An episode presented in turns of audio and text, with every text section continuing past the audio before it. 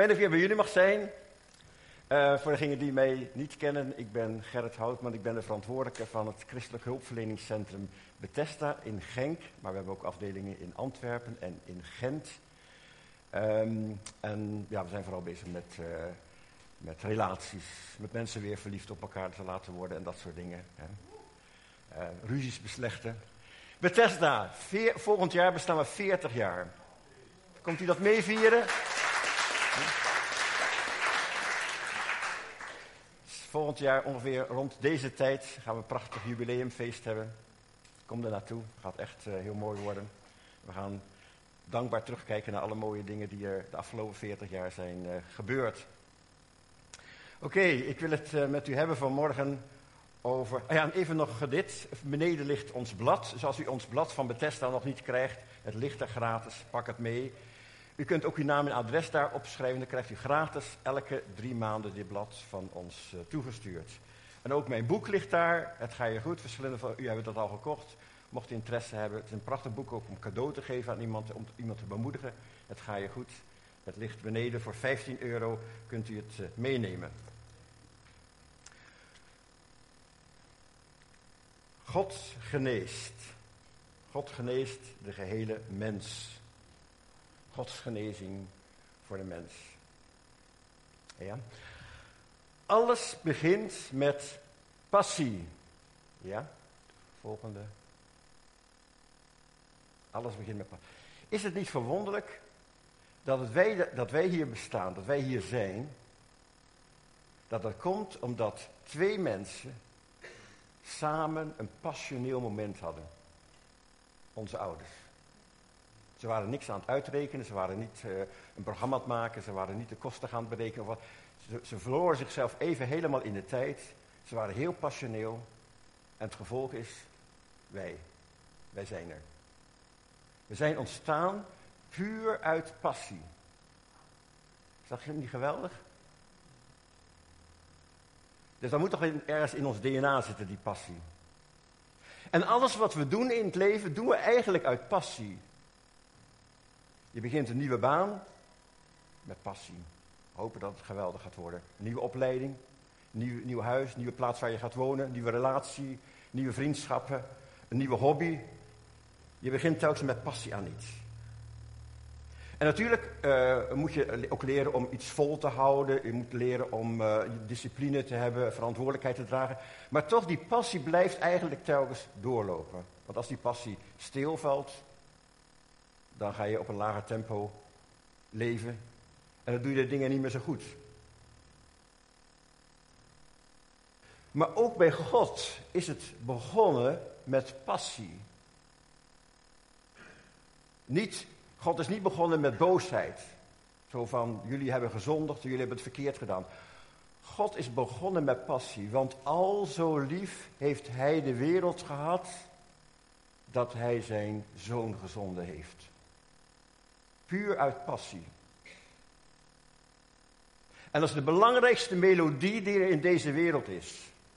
God heeft passie voor ons. God heeft liefde voor ons. En God wil dat we daarvan doordrongen zijn en dat we dat horen, dat dat binnendringt. En ik weet, we hebben door, door teleurstellingen en door pijn en door angst en door schuldgevoel en, en schaamte en weet ik het allemaal, allemaal muren opgebouwd om het maar niet te horen. Maar God zegt, ik ben een God van passie. En in mijn passie zie ik geen fouten, zie ik geen schuld. Ik hou van je. Ik hou van je. En omdat ik van je hou, ben ik dat reddingsplan begonnen. Ben ik ben begonnen met, met mijn hand naar jou uit te steken. En in Romeinen staat zo duidelijk dat Jezus voor ons is gestorven als blijk, als bewijs van Gods liefde. Veel mensen zeggen, Jezus stierf aan het kruis, dat laat zien hoe slecht wij zijn. Nee, Jezus stierf aan het kruis om te laten zien, zo groot is mijn liefde, zo waardevol ben jij. Ik heb er alles voor over.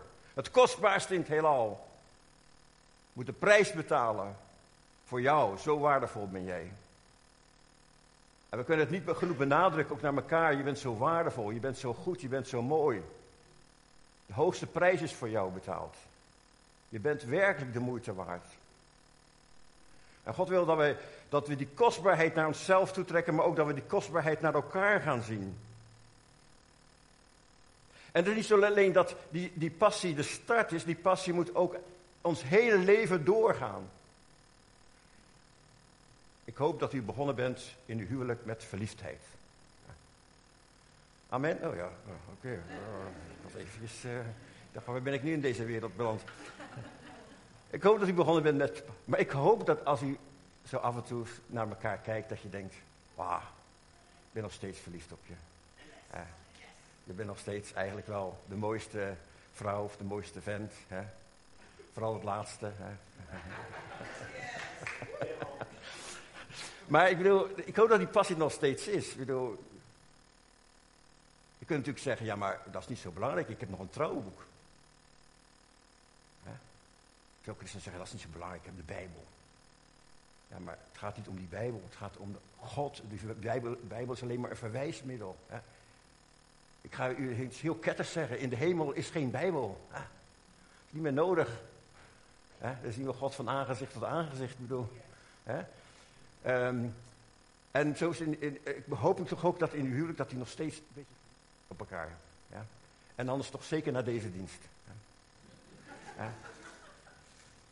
Kijk even naar elkaar. Kijk even verliefd naar elkaar. Passie moet er zijn in ons leven. Bij alles wat we doen. En ik hoop dat die passie er nog is, ook in uw geloofsleven. Dat u nog steeds, dat u nog steeds iets voelt van die passie die er was bij het begin. Dat u nog steeds die liefde voor God voelt. Dat u nog steeds het enthousiasme voelt van... Hé, hey, er is iemand die in mij gelooft. Er is iemand die in mij gelooft, die met mij van plan is. Als Paulus voor de gemeente van Efeze bidt, dan zegt hij... Ik bid dat jullie geworteld en gefundeerd in de liefde zouden zijn. Dat is, dat is belangrijk. En de rest komt dan wel. Als jullie maar geworteld en gefundeerd in liefde zouden zijn. En Christus zouden, de liefde van Christus zouden kennen, die alle kennis te boven gaat. Liefde gaat boven alle kennis uit. Liefde is wat blijft. Alle kennis gaat voorbij, maar de, voorbij, maar de liefde blijft. En God wil dat we gefundeerd zijn. En mijn diepste zorg, mijn diepste zorg naar mensen is of ze wel gefundeerd zijn in liefde.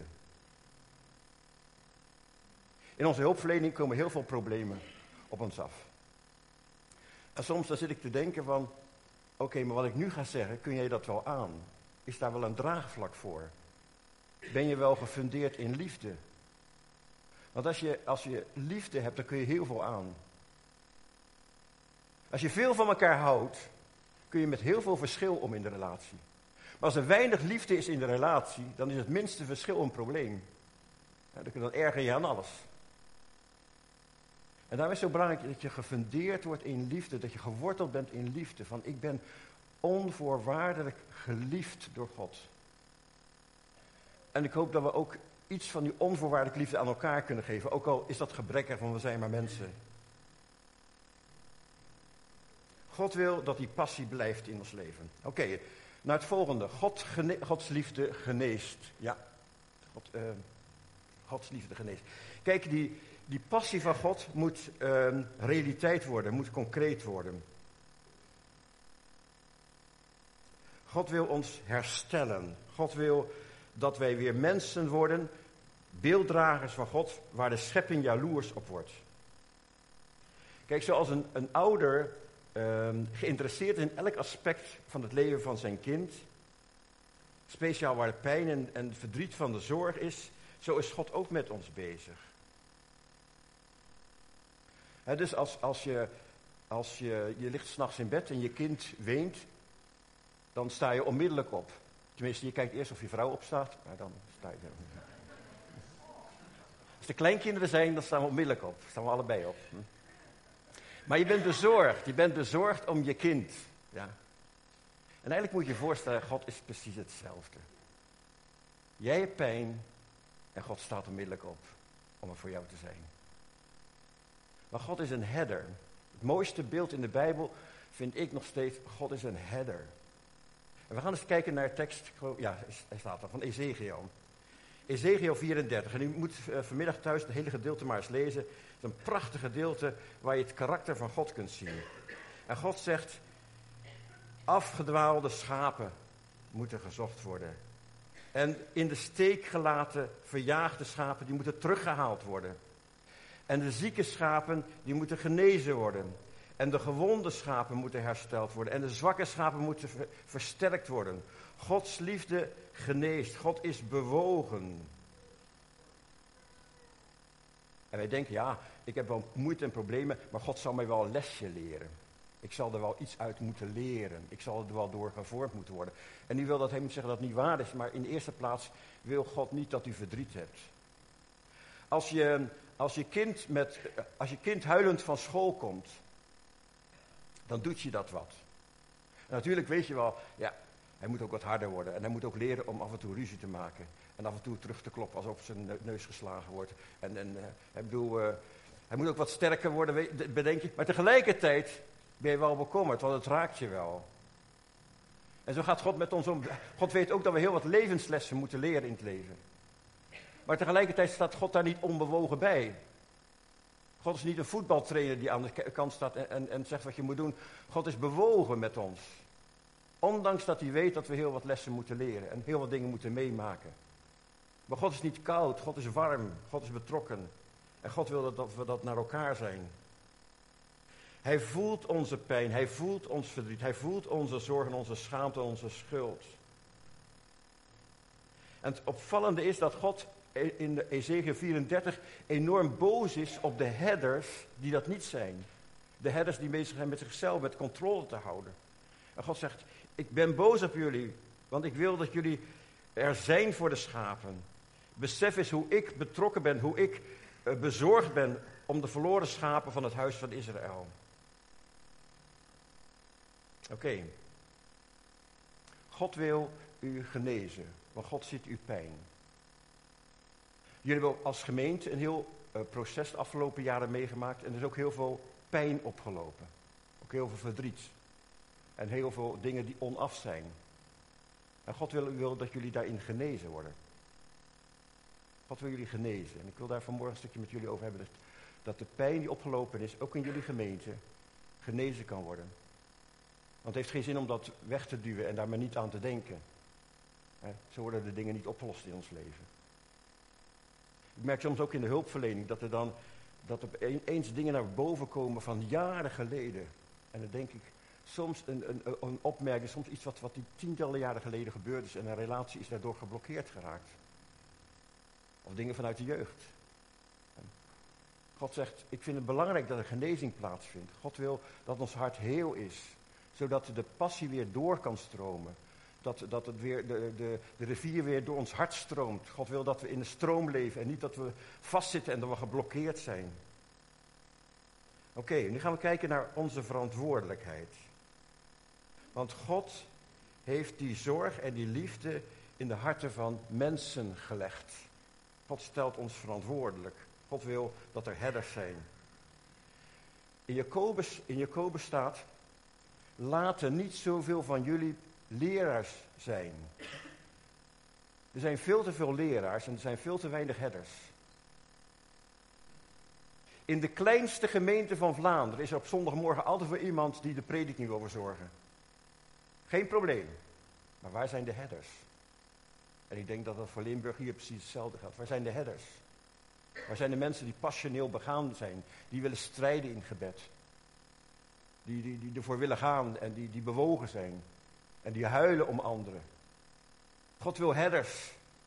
God zoekt herders. En in Ezekiel 34 verwijt hij van jullie zorgen niet goed voor de schapen. Want er zijn schapen die weglopen. Er zijn schapen die verjaagd zijn. Er zijn schapen die gewond zijn. Er zijn schapen die zwak zijn. God wil dat we daar op, uh, op afgaan. Um, wat ik nu zeg is niet specifiek voor jullie gemeente, maar ik heb heel, met heel veel uh, gemeentes te maken. Vooral in Vlaanderen. En dan zie ik, ik was ongeveer op een vergadering in, in, uh, in Vlaanderen. En de, de gemeente werd gevraagd hoe het ging in de gemeentes. En ik hoorde verschillende verhalen van leiders die zeiden: Ja, luister eens, we hadden wat problemen in onze gemeente. Maar die moeilijke mensen zijn nu weg. En we hebben weer rust. En we zijn blij met de rust. Ik dacht, wat is dat hier? Rust, rust. Er is maar één plaats waar rust mag zijn. Dat kerkhof. Want als er daar geen rust is, heb je pas echt problemen. Ja. Maar God wil niet dat het rustig is. Er is strijd, er is pijn, maar we moeten elkaar vasthouden in de strijd. We moeten met elkaar verbonden zijn, want we leren van elkaar. Ja? In diezelfde vergadering maakte ik het mee dat de meerderheid tegen mij was. Dat is heerlijk, want dat is een beetje, kan je gevoel dat je belangrijk bent als mensen tegen je zijn. Hè, zo. Ik, vind, vind altijd fijn dat er over mij geroddeld wordt, word ik niet vergeten. Dus, hè. Ja, ik hoop dat ze ook nog voor bidden, maar goed, uh, in ieder geval. Maar ik wil zeggen van, van, van, natuurlijk is er strijd, en natuurlijk zijn er conflicten, maar daar leer je van.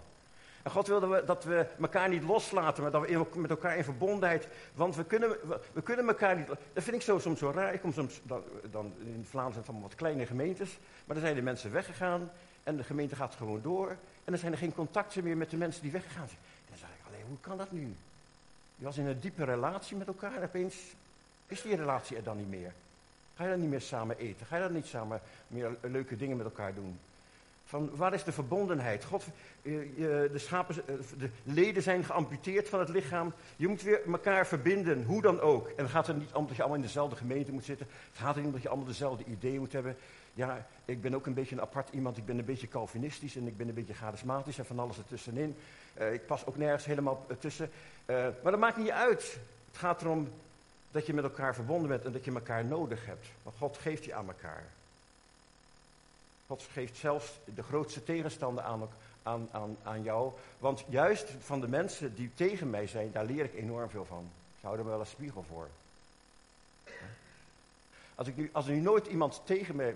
Hè, ik dacht altijd, ik ben de meest vriendelijke mens ter wereld. Dacht ik altijd zo. Ik dacht van, ja, wie kan met mij ruzie maken? en dan merk ik opeens dat de mensen soms problemen hebben. Hè? En dat houdt mij spiegel voor. Hé, hey, Gerrit, je bent toch niet zo leuk als je gedacht had? Ja bent toch niet zo lief. Blijkbaar heb je toch kanten die mensen irriteren. Hè? En dat is goed, want daar leer je enorm van. De ander houdt je de spiegel voor. Ik leer daar toch in ieder geval ongelooflijk veel voor. Oké, okay. Ezekiel 34. En dan zegt God, oké, als de herders het niet doen, dan ga ik het doen. En God gaat ervoor. En God gaat zelf ingrijpen. En God gaat genezen. En dat vind ik het bijzondere van Gods genade. Ondanks dat wij fouten maken. Ondanks dat onze kerken fouten maken. God gaat door. God gaat door met zijn genezingsproces. God gaat door met zijn herstelproces. God gaat altijd door. Dat vind ik zo fantastisch. Het hangt gelukkig allemaal niet van ons af. Neem aan dat het iets voor mij is. En we gaan kijken naar de tekst uit Lucas. Lucas uh, eh, 4. Als Jezus dan komt, en Jezus komt dan als de herder uh, zijn boodschap proclameren. En hij zegt, kijk, de geest van de Heer is op mij, omdat hij mij gezalfd heeft. En hij heeft mij gezonden om aan armen het goede nieuws te brengen. Om te genezen die gebroken zijn van hart. Om aan gevangenen hun vrijlating bekend te maken. En aan blinden het herstel van hun zicht. Om onderdrukten hun vrijheid te geven. Om een genadejaar van de Heer uit te roepen. Jezus zegt, hier, is, hier ben ik, hier ben ik. Ik ben de herder. Ik ga mij ontfermen over de schapen. Ik zal het gaan doen.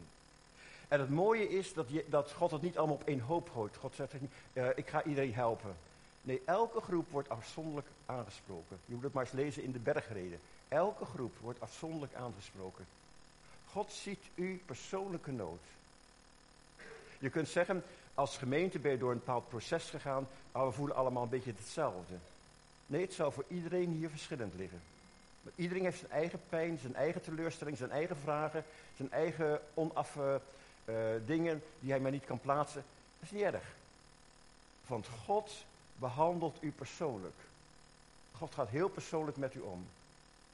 En de, specifieke vragen waar u mee zit, daar wil God een antwoord op geven.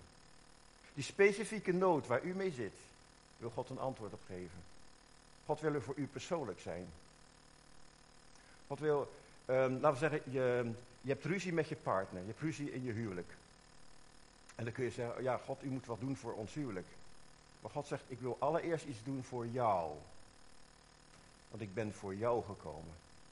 Natuurlijk ga ik ook voor je partner zorgen. Ga ik ook voor je huwelijk zorgen. Maar aan de eerste plaats voor jou. Want als jij niet hersteld raakt, kom je geen stap verder in je huwelijk.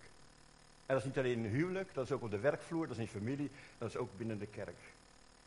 God komt met zijn persoonlijke genezing. Hoe geneest God? De volgende stap. Hoe geneest God? God wil heelheid brengen in ons leven. Heelheid, heiligheid, redding zijn woorden die samen horen. In één geheel vormen. God brengt de dingen heel, heel in je leven. Weet je, als je nu niet, geen christen bent, dan leef je eigenlijk van het ene moment in het andere. Dan, dan bestaat het leven eigenlijk uit een serie losse momenten. Mensen gaan er ook heel makkelijk mee om. Ja, dat was vroeger, maar dat heeft niks met nu te maken. Maar zodra iemand christen wordt, dan, dan, dan is een algemeen gevoel dat, dat je dan een, een weerzin krijgt of een afschuw van bepaalde zaken die je in het verleden gedaan hebt. Je begint je over zaken schuldig te voelen. Je begint je over dingen te schamen. En dat is misschien wel lastig, maar het is wel deel van je genezingsproces. Dus wees er dankbaar voor dat je dat voelt. Want dat is een deel van uw genezing. Waarom? Omdat God de dingen bij elkaar wil brengen. God wil uw verleden en uw toekomst en uw heden bij elkaar brengen. Voor God wil, moet het leven heel worden, één worden. Zo geneest God. God maakt u heel. Is gezond. Nu ga ik een stappenplan met u doornemen van hoe gaat God nu iemand genezen? Hoe heelt God iemand die innerlijk verwond is? Hoe gaat God u genezen persoonlijk? Hoe gaat God jullie als gemeente genezen? En ik ga met u een stappenplan doornemen. Hoe geneest God? Allereerst geeft God een plek. Psalm 23. Hij leidt mij naar groene weiden en naar rustige wateren. Dat is het eerste wat er staat in Psalm 23. God geeft u een plek. God wil dat u zich ergens geboren voelt en veilig en geaccepteerd, onvoorwaardelijk aangenomen. Je bent onvoorwaardelijk geaccepteerd bij God. Dat is het eerste wat je moet weten. God praat niet in de eerste plaats over je zonde. God praat niet in de eerste plaats over de fouten die je gedaan hebt. God zegt, ik wil allereerst dat je tot rust komt. Dat je innerlijk tot rust komt. Dat je je innerlijk geborgen en veilig voelt. En ik mag er zijn. Met al mijn stommiteiten. Met alles wat er verkeerd gegaan is. Dat telt nu even niet. Even, eerst even die grazige weiden. En dat rustige water. Die veilige plek. Elke herder weet dat schapen die zich niet uh, uh, veilig voelen, die zich, niet, die zich onrustig voelen, dat ze niet kunnen eten. Ze kunnen pas eten als ze, als ze zich veilig en geborgen voelen. Als er geen vijand is.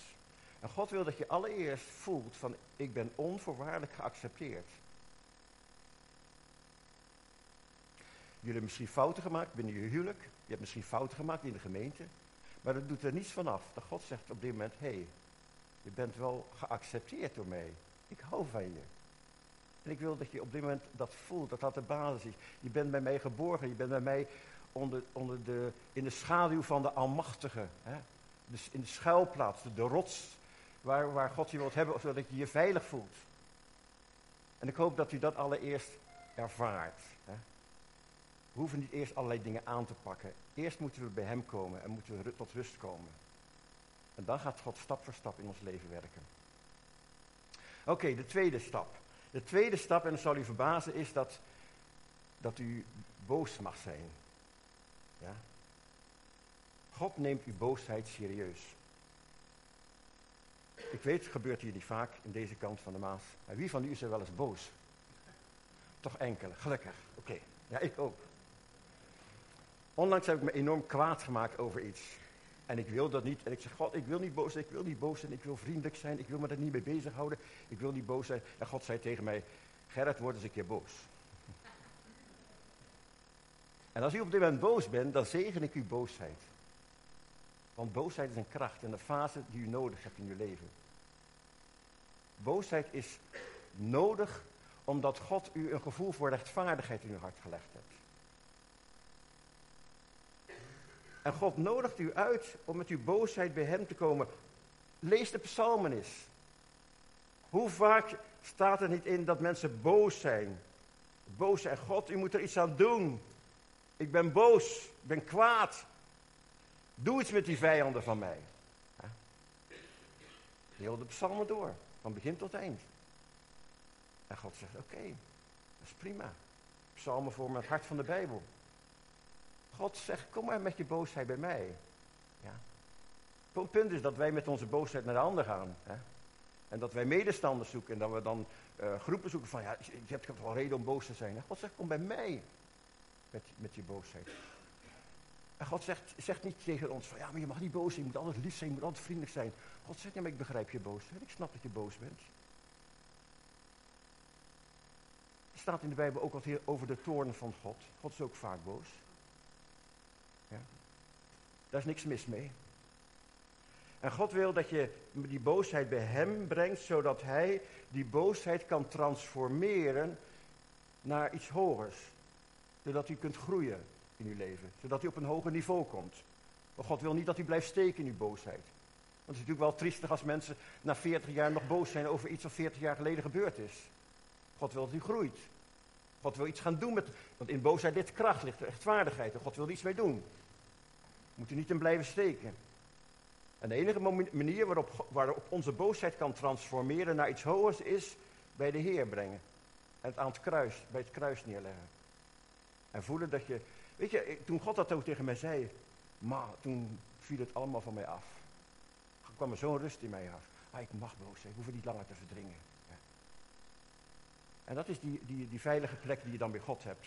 Dan het derde, de derde stap. En ik, ik geloof in die volgorde, ik geloof dat die volgorde erg belangrijk is. Na de boosheid komt het verdriet. En daar wil God u ontmoeten. Ja, want wij verbergen vaak ons verdriet met heel veel boosheid. En we zien vaak boze mensen. Hè? Ik zie heel vaak boze koppels die bij mij komen. Mannen en vrouwen die ruzie met elkaar maken. En ik laat ze ook vaak even ruzie maken. Dan weet ik hoe boos ze zijn. Maar achter die boosheid zit verdriet. En daar moeten we uiteindelijk terechtkomen. Want als dat verdriet niet van elkaar gezien wordt, dan gaan ze ook niet voor elkaar zorgen. Dan zijn ze alleen maar in de verdediging, want ze beschermen zichzelf tegen die boosheid van die ander. Onder onze boosheid zit enorm veel verdriet. We zijn niet voor niets zo boos, omdat we verdrietig zijn. Omdat we eigenlijk diep in ons hart nog steeds kleine kinderen zijn. We zijn nog steeds dat gewonde kleine kind van zes, zeven jaar. We hebben nog steeds, nog steeds diezelfde kwetsbaarheid. Als iemand jou raakt met een woord of als iemand over jou slecht spreekt of wat dan je voelt je eigenlijk weer een klein kind. Een kleine kind zit er nog steeds. En God zegt, kom bij mij. Kom bij mij, ik wil je vertroosten. Ik wil bij je zijn. Weet u, God respecteert onze gevoelens. God zal nooit tegen ons zeggen, je mag niet voelen wat je voelt. Wat je voelt, dat is waardevol bij hem. God zegt, kom bij mij, ik wil het verdriet in mijn handen nemen. Ik wil er iets mee gaan doen. Psalm 10 staat zo mooi. Want u ziet de moeite en verdriet, opdat men het in uw hand geeft. In de andere vertaling staat, opdat gij het in uw hand nemen. En ik denk beide waar zijn. God neemt het verdriet over. En God gaat er iets mee doen. Maar God wil ook dat u het verdriet in zijn hand legt. Ja. En weet je, God staat 100% naast jou in jouw verdriet. God zegt niet, wat wij heel erg doen, wat wij heel, wij, wij, of wij knabbelen er iets vanaf, of we voegen er iets aan toe. Dus iemand vertelt iets en dan zeggen we, ja, maar, is het wel, ja, maar zo erg is het toch niet? Of ja, maak je het niet erger dan dat het is? Dus zo proberen we altijd iets af te knabbelen van het verdriet van de ander. Maar God zegt, ik, ik versta jouw verdriet. Dit is verpletterend wat je meemaakt. Dit is onmenselijk. Je gaat er aan onderdoor, ik zie hoe erg het is. En juist doordat je ervaart bij God, ik mag mijn verdriet hebben en God ziet mijn verdriet, komen wij eindelijk tot rust. Want wij hebben heel vaak het gevoel dat wij ons verdriet moeten bewijzen. Zie je niet hoe erg het met me is? Zie je niet hoe moeilijk het is? Zie, zie je niet hoe zwaar ik het heb? Dat we daar telkens weer de ander moeten van overtuigen. En God hoeft u daar niet van te overtuigen. God begrijpt het. God snapt hoe het is met u. En God zegt, kom maar bij mij. En dan de vierde, de vierde stap in uw genezingsproces. En ik geloof echt in die volgorde, ik geloof dat het zo werkt. Dan gaat God u zalven. Hij zalft mijn hoofd met olie en mijn beker vloeit over, in Psalm 23. God gaat u zalven. En als God u zalft, kijk, olie heeft twee betekenissen. Olie werkt genezend en olie verwijst naar een bestemming. die twee betekenissen heeft in de Bijbel. En het gaat altijd volgens mij samen. God geneest u opdat u anderen zoudt genezen. Dat gaat bij God in één ruk door. God geeft een, hij verzoent ons, zodat wij een bediening van verzoening zouden hebben. God zalft u met olie, opdat uw verdriet volledig getroost zou worden.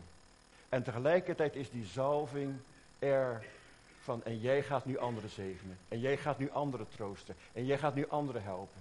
Je bent, er, bent nu geroepen van nu. Je bent altijd gered om te redden. Je bent altijd genezen om anderen te genezen. Is, het is altijd, het hoort allemaal samen. Je niet zeggen, ja, nu ben ik getroost, nu kan ik weer verder leven. Nee, nu kan ik anderen helpen. Want de zalving die jij ontvangt, is om door te geven aan anderen. God zalft je met een bediening. En dat is het zo mooie. God zegt niet alleen maar van, uh, ja, kom bij mij en ik zal je troosten en heerlijke schaapjes in mijn, in mijn kudde. Maar God zegt, ik maak van schapen herders. God heeft een bestemming voor u. Weet u, ik zou graag vooral de mannen eens wakker willen schudden. En waarom de mannen? Gisteren hadden we een mannendag hier vlak om de hoek in Hoensbroek. Helaas was er niemand van jullie, maar het was echt geweldig. Jullie hebben echt wat gemist. Maar waar het, om ging, waar het gisteren om ging is van, wat is onze droom? Wat is onze bestemming? Wat heeft God in jou gelegd wat toch niet wakker is geworden? Neem geen genoegen met het middelmatige. Zoals we vaak zeggen, het goede is de vijand van het beste. En heel veel christenmannen leven middelmatig van, oh ja, nu is het wel oké. En als we dit kunnen houden, dan is het prima. Maar God heeft een droom in uw hart gelegd. God heeft een bediening aan u gegeven. God heeft een zalving op u gelegd. En God zegt, je kunt veel meer voor mij doen dan je denkt. Toen Jezus de discipelen riep, toen die snapte echt nog helemaal niks van het evangelie.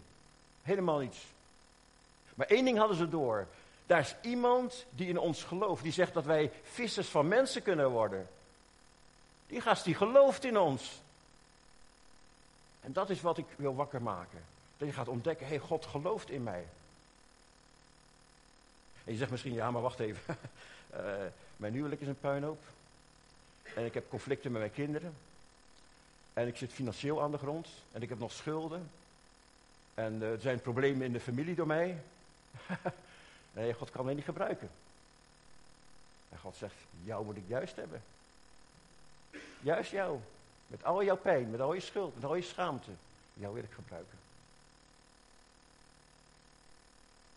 En ik weet niet wat God in uw hart gelegd, maar alsjeblieft mensen. Daar ligt in de voorraadschuren van God zo ongelooflijk veel voor u klaar. Ja. Het probleem in de wereld is niet de wereld. Er is geen probleem in de wereld, in Gods ogen. Er is een probleem in de kerk. Omdat wij onze zalving niet zien. Omdat wij onze zalving niet toelaten, omdat we onszelf ook niet laten genezen. We zeggen, het is veel, kijk, het is veel veiliger om God een beetje op een afstand te houden. Van God, ik geloof in u en ik ga zondags naar de kerk en ik drink ook nog koffie na de dienst. Dat is nogal heel wat. Maar niet te dichtbij komen, dat is veel te gevaarlijk. Word ik te emotioneel van. Maar ja, wat hindert dat dat u emotioneel wordt? Ja. Een paar weken terug stond ik te preken in mijn eigen gemeente en ik begon te wenen, te snotteren. ik kon het ook niet meer houden. Ja, dat is niet erg. Ja. Als je droom maar wakker wordt. Als je er maar voor gaat, lieve mensen. Want uiteindelijk uh, is de, de, de bestemming die God voor ons heeft. Het wezenlijke van ons leven. Het gaat niet dat u gelukkig bent. Moet u naar een andere kerk gaan als u gelukkig wilt worden? Moet je toch niet naar Schinnen gaan om gelukkig te worden? Je moet naar Schinnen gaan om je zalving te ontvangen. Daarvoor moet je hier zijn. En ik hoop dat u met een zalving deze week de wereld ingaat.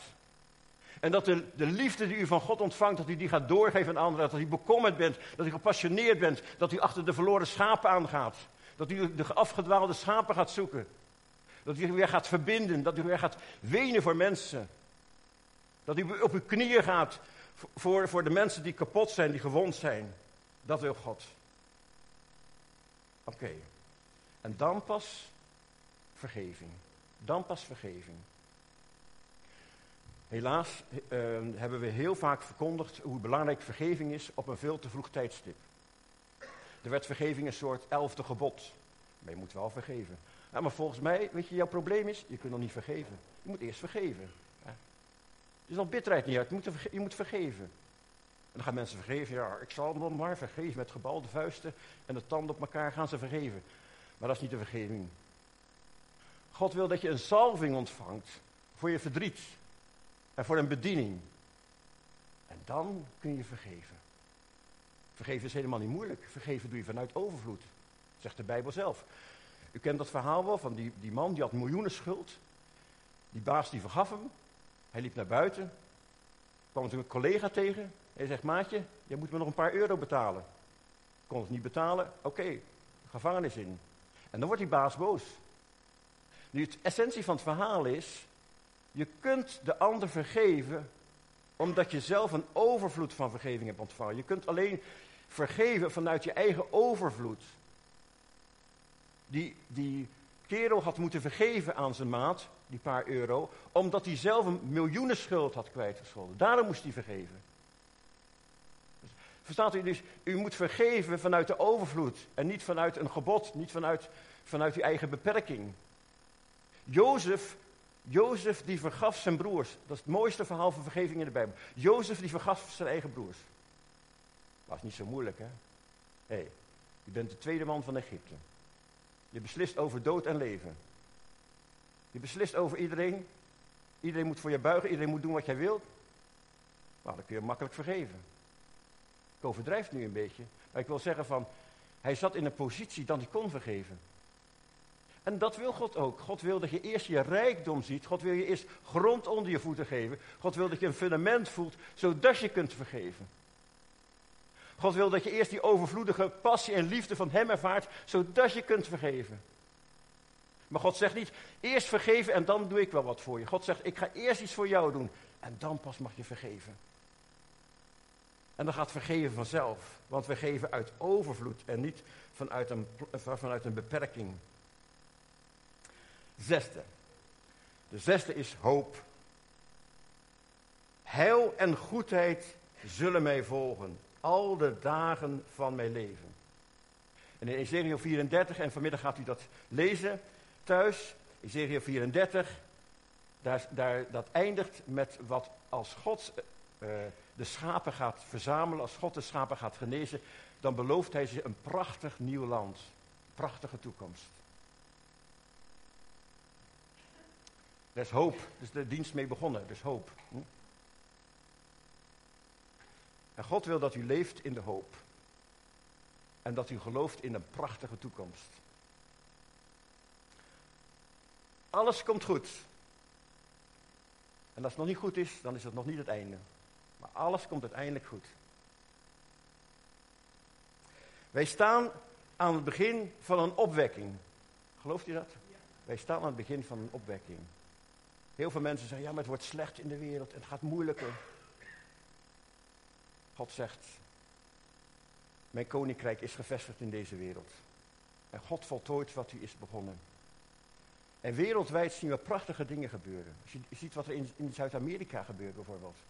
Ongelooflijk. Bijvoorbeeld in Brazilië in enkele decennia tijd, eh, waar de, de evangelische christenen van enkele procenten naar tientallen procenten zijn gegroeid. En waar de regering uh, rekening moet houden met de invloed van de christenen. Um, er gebeurt iets in deze wereld. En we hebben dat niet in de gaten. We kijken vaak naar ons eigen kleine wereldje. De enige, de enige middel wat God ons gegeven heeft om deze wereld te veroveren, is ons geloof, zegt Johannes. De overwinning die we over de wereld hebben, is ons geloof. Als wij dus geen overwinning over de wereld hebben, is het omdat wij geen geloof hebben.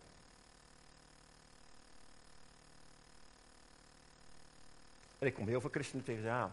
Het gaat slecht in de wereld. Ik hoop maar dat Jezus snel terugkomt.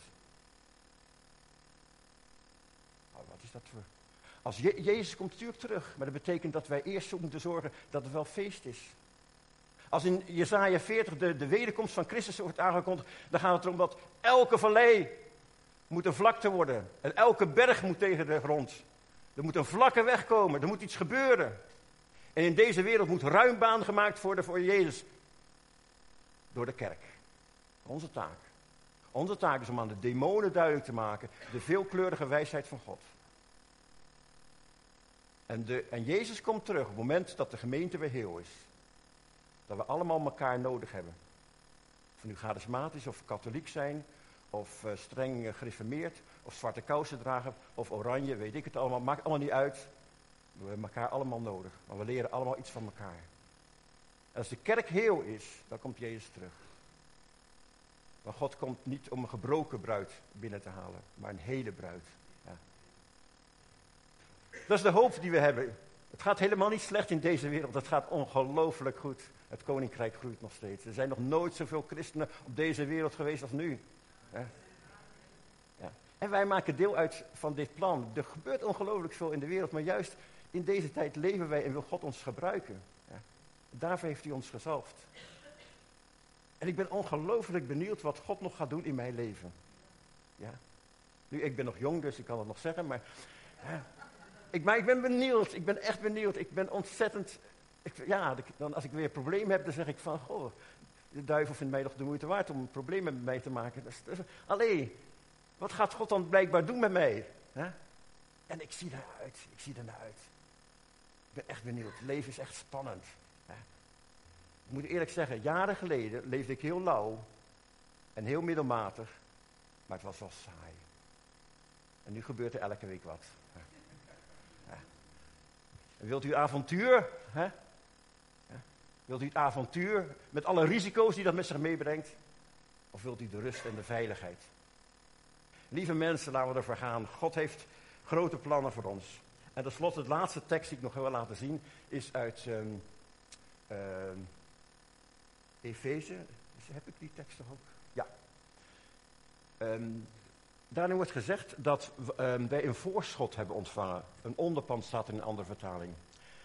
En daar bedoelt de Bijbel mee van wat ons in de toekomst te wachten staat, hebben wij in principe nu al in het klein. Dus wat ons na de dood te wachten staat, is helemaal niet vreemd. Want we hebben dat nu al in voorschot. We, hebben dat nu, we ervaren er nu al iets van. Het zal niet totaal anders zijn. Alleen het zal veel groter en veel geweldiger zijn. God heeft je een voorschot gegeven opdat er meer zou komen. God heeft niet gezegd, nou hier heb je een voorschot en daar moet je het mee doen. God zegt, kijk, dat is alvast het begin. Daar kun je alvast mee starten. Maar er komt nog veel meer. En, en als, als, wij tevreden zijn met ons leven nu en zeggen, ja God, fijn wat u allemaal voor mij gedaan hebt. Ik ben gered en ik ga naar de hemel en ik heb een uh, fijn christelijk huwelijk en het gaat allemaal een leuke gemeente en, en de koffie is goed en de vlaai ook en alles. Prima, hè? het is content. Dan snappen we het niet. God zegt, ik heb je iets gegeven, maar dat is maar een voorschot, er komt nog veel meer. Nu in dit leven en na dit leven. En ik ben heel lang tevreden geweest met wat er was. Maar nu niet meer. God heeft mij een beetje, ja, ondersteboven geschopt.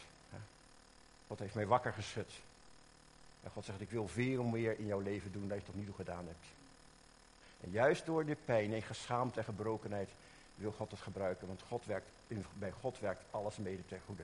En er is geen enkel facet van jouw leven waar jij, waar jij van kunt zeggen dat God er niks mee kan doen.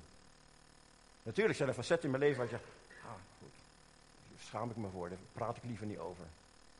Maar elk facet van ons leven staat onder het bloed van Jezus. Elk facet van ons leven, zegt God, daar maak ik, dat is een bouwsteen voor mijn koninkrijk. God kan het gebruiken. Vertrouwen we hem of vertrouwen we hem niet? Weet u, ik ben enorm, uh, ik ben enorm bezorgd voor de herders. Er zijn veel leraars binnen de evangelische kerken, maar er zijn zo weinig herders. En ik wil daarom een oproep doen vanmorgen. ik, zou, ik zou een oproep kunnen doen voor genezing, maar dat ga ik niet doen. Ook niet voor innerlijke genezing. Ik ga een oproep doen voor herders. Als God het in uw hart gelegd heeft om een herder te worden.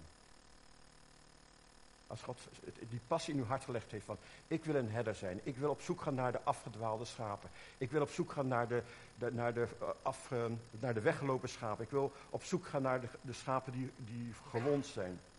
Ik wil op zoek gaan naar mensen die pijn en verdriet hebben. En u bent, hebt daarvoor een passie in uw hart gekregen, in deze dienst. Dan vraag ik u om tijdens het lied naar voren te komen en gaan voor u bidden.